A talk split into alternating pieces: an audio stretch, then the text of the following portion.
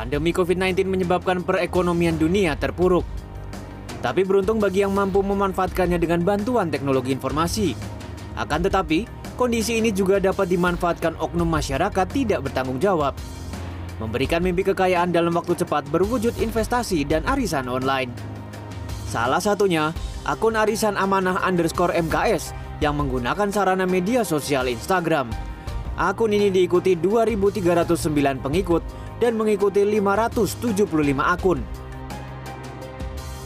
Mulai beroperasi Januari lalu, Arisan Amanah MKS menghadirkan empat paket program bisnis, yakni investasi, arisan lot, arisan menurun, dan arisan handphone.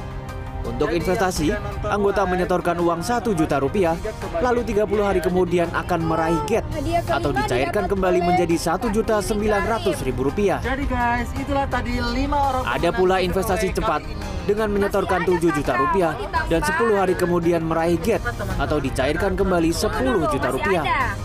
Lalu berikutnya adalah arisan lot. Arisan ini dibuat kelompok-kelompok oleh pengelola yang disesuaikan dengan nominal uangnya.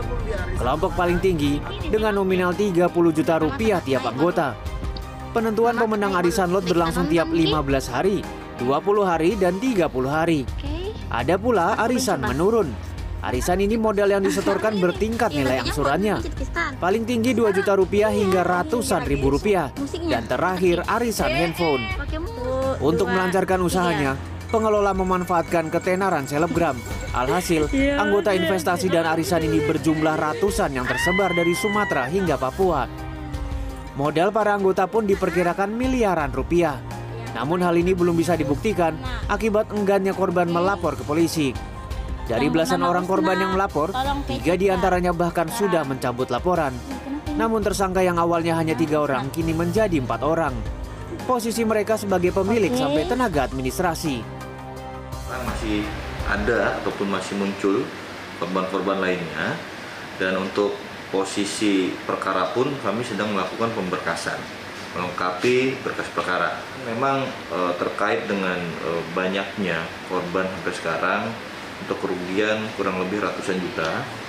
Jadi untuk eh, info awal ataupun eh, yang viral miliaran sampai sekarang belum be- eh, belum terbukti. Jadi sampai sekarang kurang lebih 100 juta lebih dari kurang lebih belasan korban yang sudah melapor di Polrestabes.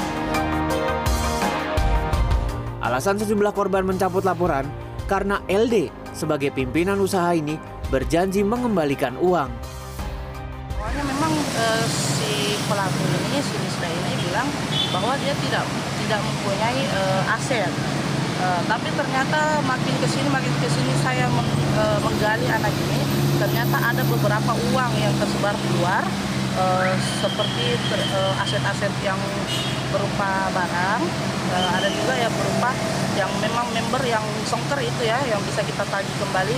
Makanya saya berani untuk eh, bersama teman-teman mau mencabut laporan biar eh, kami bisa eh, dibayarkan. Hingga kini, LD sebagai tersangka utama belum bisa ditemui karena intensifnya pemeriksaan, termasuk tiga tersangka lainnya. Tapi salah satu tersangka DF, seorang mahasiswi asal Mamuju, Sulawesi Barat, justru mengaku sebagai korban.